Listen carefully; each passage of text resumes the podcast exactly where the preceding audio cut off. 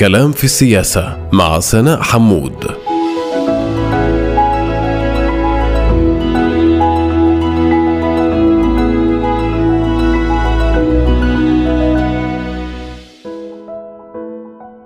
أهلا ومرحبا بكم مستمعاتنا ومستمعينا الكرام في حلقة جديدة من بودكاست كلام في السياسة الذي سنتناول في إطاره تحليلات معمقة بمنظور أوسع. حول قضية هامة أو شخصية مفصلية تركت وقعها وأدت إلى تحولات لافتة في المشهد السياسي. أنا سناء حمود وموضوع حلقتنا الجديدة والتي ستشمل جزئين الإعلام السياسي والفلسطينيون قراءة عبر التاريخ لأبرز المحطات منذ نهاية الحكم العثماني وحتى اليوم خلفياتها ودلالاتها وإسقاطاتها على المشهد السياسي العام لا شك في أن السجال كان وما زال قائما على مدار عقود من الزمن بشأن دور وسائل الإعلام في المشهد السياسي سلطة رابعة مراقبة ومؤثرة وربما متداخلة ومتشابكة مع الأحداث ولاعبيها المركزيين أم أداة وصفية متابعة للحدث وناقلة له بحيادية وموضوعية كيف كان هذا الدور في فلسطين عبر التاريخ؟ منذ نهاية الحكم العثماني مرورا بالانتداب البريطاني ومن ثم الاحتلال الإسرائيلي عام 48 والنكسة عام 67 وكيف تحول هذا المشهد بعد الثورة الإعلامية أوائل التسعينيات وغزو الفضائيات العربية كل ركن وزاوية؟ من كانوا الإعلاميين الفلسطينيين الأبرز؟ وما كان دورهم في صياغة الرواية والحفاظ على الهوية؟ وماذا عن الإعلام الإسرائيلي والتغييرات التي طرأت عليه في العقود السبع الماضية من إعلام مجند إلى إعلام تجاري بغالبيته وأين كان الإعلام الفلسطيني المحلي من كل هذه التحولات؟ وهل من اختلافات جوهرية بين وسائل الإعلام العربية المحلية وتحديدا بدورها وأدائها ورؤيتها في المشهد السياسي الراهن وللإجابة عن كل هذه الأسئلة وأكثر يسعدني أن أرحب في هذا الحوار بالباحث والمحاضر في موضوعي التاريخ والإعلام ورئيس دائرة تاريخ الشرق الأوسط في الجامعة المفتوحة بروفيسور مصطفى كبهة أهلا ومرحبا بك. أهلا بك. قبل المباشرة في حوارنا لنستمع إلى هذا التسجيل الصوتي فنتابع. في تمام الثانية عشرة ننقل لكم صلاة الجمعة إذاعة منقولة من المسجد الأقصى المبارك بالاشتراك مع محطة الشرق الأدنى للإذاعة العربية. هذا صوت فلسطين صوت الثورة الفلسطينية. يحييكم ويلتقي بكم. مؤكدا عهده معكم على مواصلة مسيرة النضال. بالكلمة الأمينة المعبرة عن الطلقة الشجاعة كيف كنت تعرف الإعلام السياسي بداية ومتى بدأت هذه العلاقة تاريخيا وفي الشرق تحديدا؟ الإعلام والسياسة هما أمران لا يمكن الفصل بينهما وإذا تحدثنا عن هذه العلاقة فهي علاقة تاريخية طويلة. قبل الإعلام الحديث بمعنى الحديث كانت وسائل إعلام قد سبقته. من شرائع كتبت على حجارة ليراها الناس إلى أوامر ملوك وسلاطين إلى التدخل في الخطب والعظات الدينية في المساجد والكنائس والكنوز. إلى وظائف كان يقوم بها أناس عاديون في المجتمع يعني إذا أخذنا مجتمعنا العربي في مجتمعاتنا العربية وظيفة اسمها المنادي، المنادي كان يصعد إلى أعلى مكان في القرية أو الحي في المدينة ويعلن إعلانات. غدا حفلة غدا نفير غدا تجنيد جنازة هكذا يعني. فهذا المنادي شيء سرق مفقود كل هذه الأمور. وهذه يعني رأينا بقاياها حتى منتصف القرن العشرين في بعض القرى. حتى اليوم تستعمل في مكبرات المساجد والكنائس الإعلانات. في الشرق عندما دخلت الصحافة وكانت الدولة العثمانية هي المسيطرة على الشرق كان واضح للسلاطين أن الصحافة هي يجب أن تكون بوقا للسلطة. أعطي مثال السلطان العثماني مرة نجا من محاولة اغتيال. فصحفي أعتقد يعني أراد أن يتقرب من السلطان فهنأه على السلامة. فيأتي السلطان ويسجنه ومات في السجن. لماذا؟ لأنه بنظر السلطان هذا الإعلان كان يقول لجمهور الهدف بأن الدولة مضعضعة وفي عدم رضا عن السلطان وعن عن الحكم وما إلى ذلك.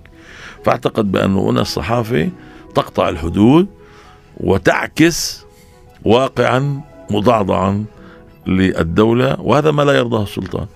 الحكم العثماني استمر في فلسطين 400 عام كما نذكر. من كانوا الإعلاميين الأبرز في نهاية تلك الحقبة؟ يعني نستطيع أن نذكر يعني أول محرر أول صحيفة الشيخ علي الرماوي أصدر القدس الشريف وأصدر الغزال. وطبعا بهذه الفترة إيليا زكا نجيب نصار ترك مهنة الصيدلة وأنشأ الكرمل 1908 أبناء العمومة آه، عيسى داود العيسى ويوسف حنا العيسى أنشأوا فلسطين 1911 بيدس أنشأ آه، النفائس وهذه هي أهم الصحف المهمة في أي ظروف عملوا؟ وكيف كانت علاقتهم بمؤسسات السلطة آنذاك؟ كان من جهة السلطان سلطة تحاول كسب ود الصحفيين وأصحاب الصحف وإذا لم ينجح ذلك كانوا يعاملون بالعصا يعني. في البداية كانت الجزرة وتعرض بعض الصحفيين للمطاردة. يعني نجيب نصار في آخر الفترة العثمانية طورد وهرب من البلاد إلى شرق الأردن وكتب رواية عن ذلك. وطبعا بعض الصحف أغلقت. فترة حكم تركيا الفتاة بعد عزل السلطان عبد الحميد تميزت بالقسوة والتتريك. آخر صحيفة صدرت في فلسطين بالعهد العثماني كانت صحيفة الصحراء المصورة وصدرت في بير السبع ماذا كانت هذه الصحيفة؟ كانت صحيفة يصدرها جمال باشا لنشر أوامر للجيش العثماني وللأهلين والسكان وكذلك يعني نشر تطورات الحرب العالمية الأولى. ولم تصدر أي صحيفة غيرها. هي كانت الصحيفة الوحيدة. وكان هو مقيم في بير السبع وفي هذه الفترة القصيرة تحولت بير السبع وكأنها عاصمة فلسطين. في النقب كان. في نهاية الحكم العثماني بالأساس آخر عشر سنوات حكم تركيا الفتاة هذه علاقة تأزمت اتسمت بالقمع والقسوة والشدة والتضييق. يعني لدرجة أنه كان في في فلسطين في الفترة العثمانية 29 صحيفة صفوا صحيفة واحدة في الآخر واحدة لا غير كيف كنت تصف أداء الإعلام ودوره في بلورة الهوية القومية خلال فترة الحكم العسكري البريطاني ثلاثة أعوام قبل الانتداب أي بالأعوام 1917 إلى 1920 فترة الحكم العسكري تكونت ثلاث دوائر هوية الدائرة الأولى تحت أجواء إقامة حكومة فيصل في دمشق الحكومة العربية. يعني هنا صيغة أوليات الهوية الحديثة. يعني علم فلسطين اليوم هو علم العروبة علم دولة فيصل. الأربع ألوان. الكل كان يعرف بلاد العرب أوطاني اللي هو السلام الوطني لهذه لهذه فنشأت صحيفه على هذا الأساس. الفلسطينيون كانوا يعبروا عن نفسهم إنهم جزء من سوريا الكبرى ولهذا السبب سوريا الجنوبية الصحيفه هذه اللي صدرت تحرير. عارف العارف ومحمد حسن البديري كانت تعبير عن هذه الهوية إنه الفلسطينيين يروا نفسهم جزء من بلاد الشام. فسوريا الجنوبية اللي صدر منها 18 عدد ليس إلا ولكن كل عدد هو شيء مهم في دراسة تطور الهوية أبعاد الهوية الفلسطينية. الصحيفة الثانية اللي أيضا عبرت عن هوية معينة هي مرآة الشرق وهذه هوية شرقية. هوية شرقية يعني شيء يشبه الفترة العثمانية إنه اللي بسموها مولتي ناشوناليزم يعني عمليا تعدد الأعراق والقوميات في إطار سياسي واحد اللي أساسه شرقي. يعني ما يجمعهم هو الشرق الانتماء للشرق. وتحت هذه العباءة نستطيع أن نضع الطوائف والملل والنحل والعقائد والأعراق كلها تحت عباءة واحدة اسمها العباءة الشرقية. طبعا هاي برضه كانت صعيبة اسمها مرآة الشرق لبولس الشحادي والثالثة هي الدائرة الوطنية الفلسطينية المحلية. فلسطين كانت المعبر عنها. فلسطين للفلسطينيين مثل ما المصريين كانوا يقولوا مصر للمصريين ولبنان للبنانيين وهذه كان أصحابها كما قلت عيسى داوود العيسى وابن عمه يوسف حنا العيسى. طبعا يوسف حنا العيسى ترك الصحيفة وأنشأ صحيفة فلسطينية في دمشق اسمها ألف باء. من هذه الفترة اللي بيحكي عنها 1919 حتى 1958 هذه كانت صحيفة فلسطينية في دمشق. وعيسى داود عيسى استمر بفلسطين حتى ال 48 طبعا كانت فترة أيضا لجوء للقدس الشرقية ثم إلى عمان لتتمازج مع صحيفة أردنية أخرى نعم. صحيفة فلسطين.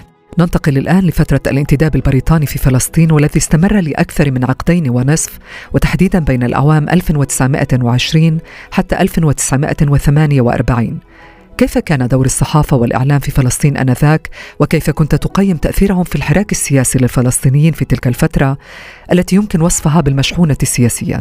هذه الفترة يمكن تقسيمها فترتين. طبعا المندوب السامي البريطاني فور وصوله إلى فلسطين هربرت سمول أعلن أنه سيكفل حرية الصحافة ودعا أصحاب الصحف لتقديم طلبات وما وعشرات الطلبات قدمت. بعد صحف قديمة كانت في الدولة العثمانية وجددت نشاطها فلسطين. الكرمل النفائس النفير وبعضها آه، صحف جديدة.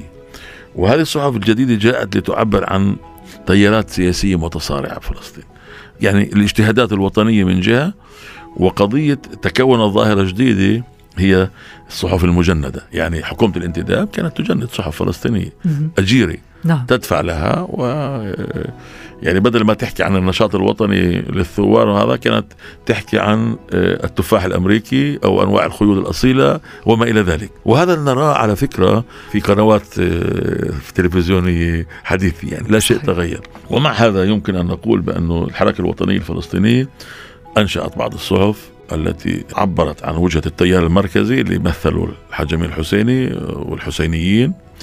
المفتي ومن جهة أخرى كان هناك صحف معارضة للنشاشبيين. هذول ممكن نضعهم تحت المنظومة الوطنية بين صحف تسير مع التيار المركزي وبين صحف المعارضة. هيك كانوا يسموها صحف المعارضة أو صحف النشاشبيين. آه يعني ممكن نذكر الصباح اللواء الإقدام آه الوحدة جامعة العربية. هذه صحف كانت للتيار المركزي. وبالمقابل كانت يعني فلسطين بين بين الكرمل بين بين. آه، ولكن صحف مثل الجامعة الإسلامية آه، الصراط المستقيم مرآة الشرق كانت إما تحاول أن تستميل سلطات الانتداب أو إنها تكون معارضة نعم. للتيار المركزي ماذا عما يسمى بفترة ما بين الحربين؟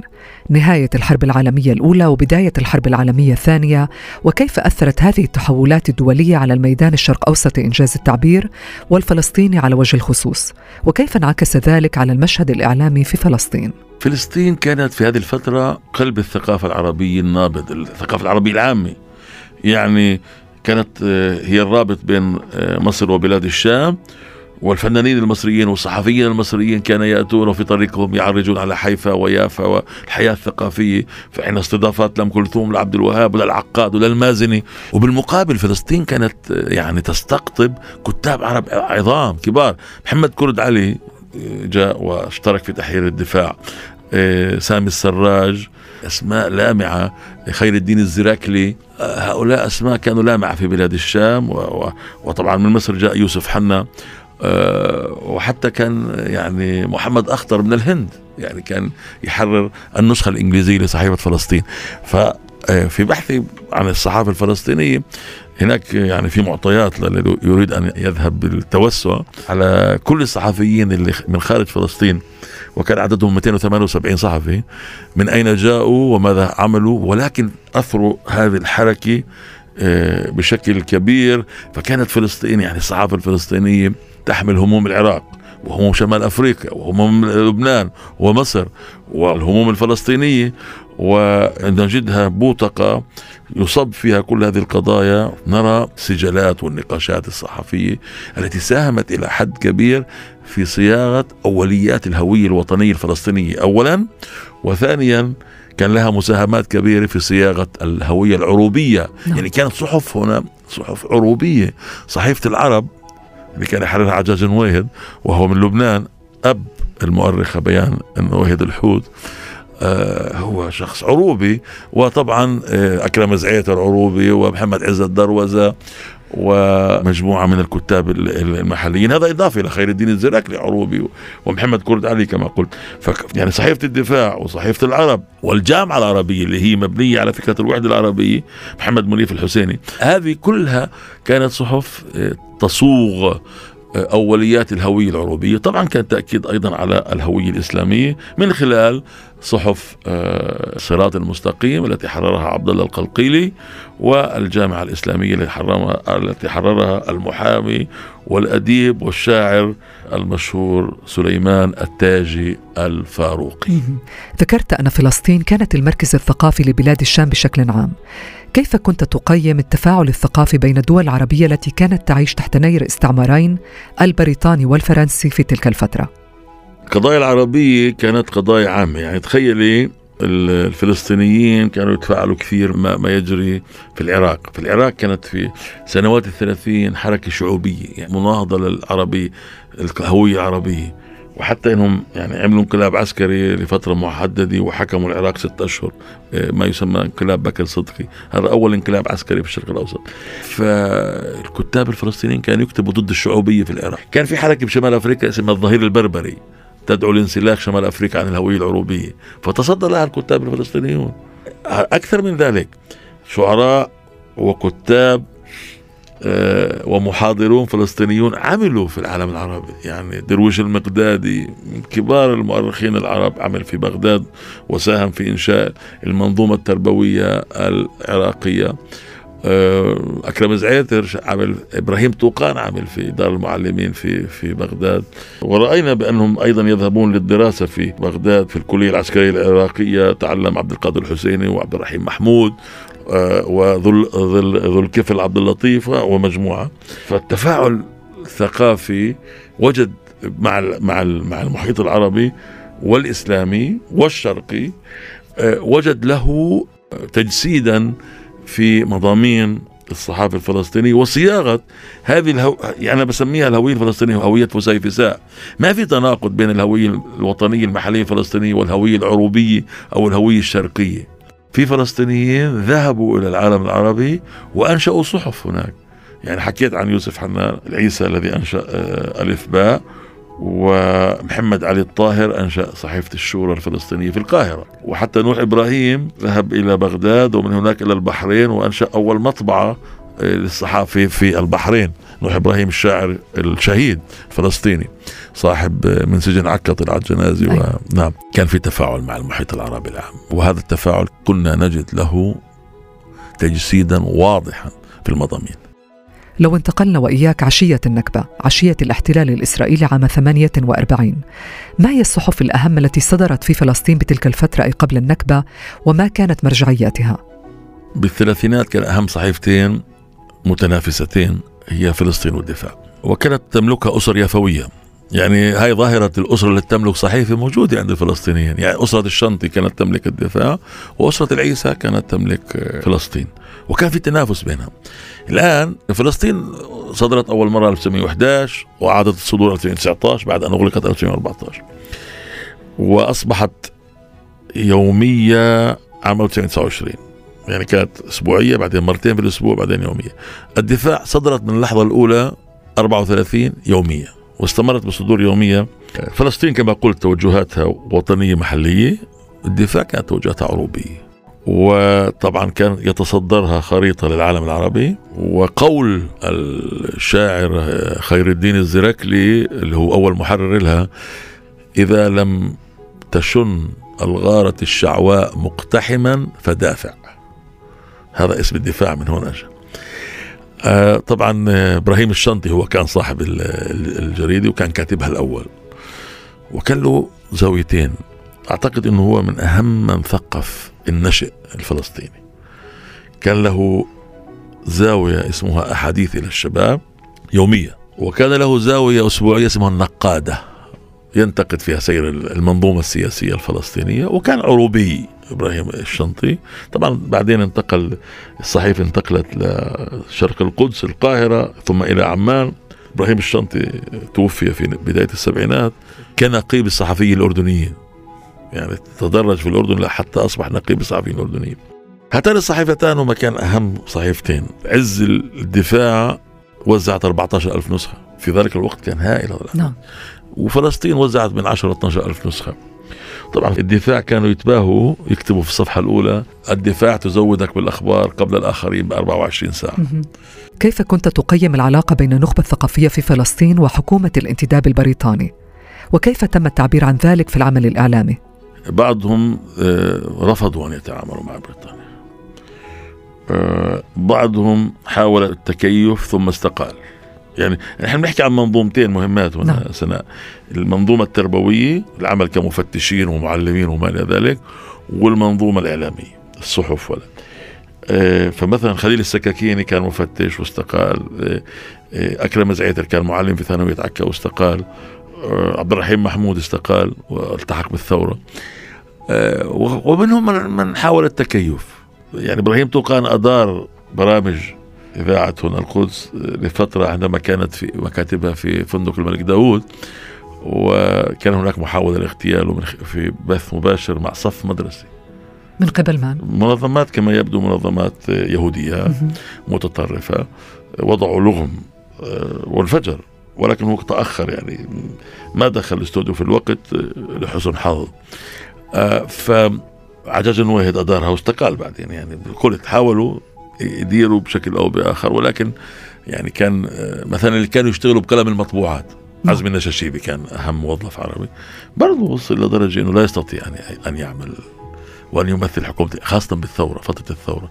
فترة الثورة كانت استقلالات جماعية في المنظومتين التربوية والإعلامية. و... و... والإعلامية. لننتقل الآن إلى النكبة عام 48 لنسألك عن تأثير النكبة على الحراك الثقافي عموما والصحافي على وجه الخصوص في فلسطين وكيف تقيم التحول الذي طرأ عليها؟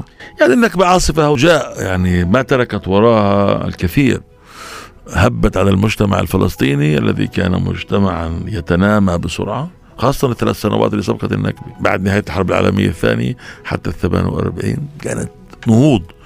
فرع البرتقال نهض وكثير أثرت اقتصاديا على فلسطين.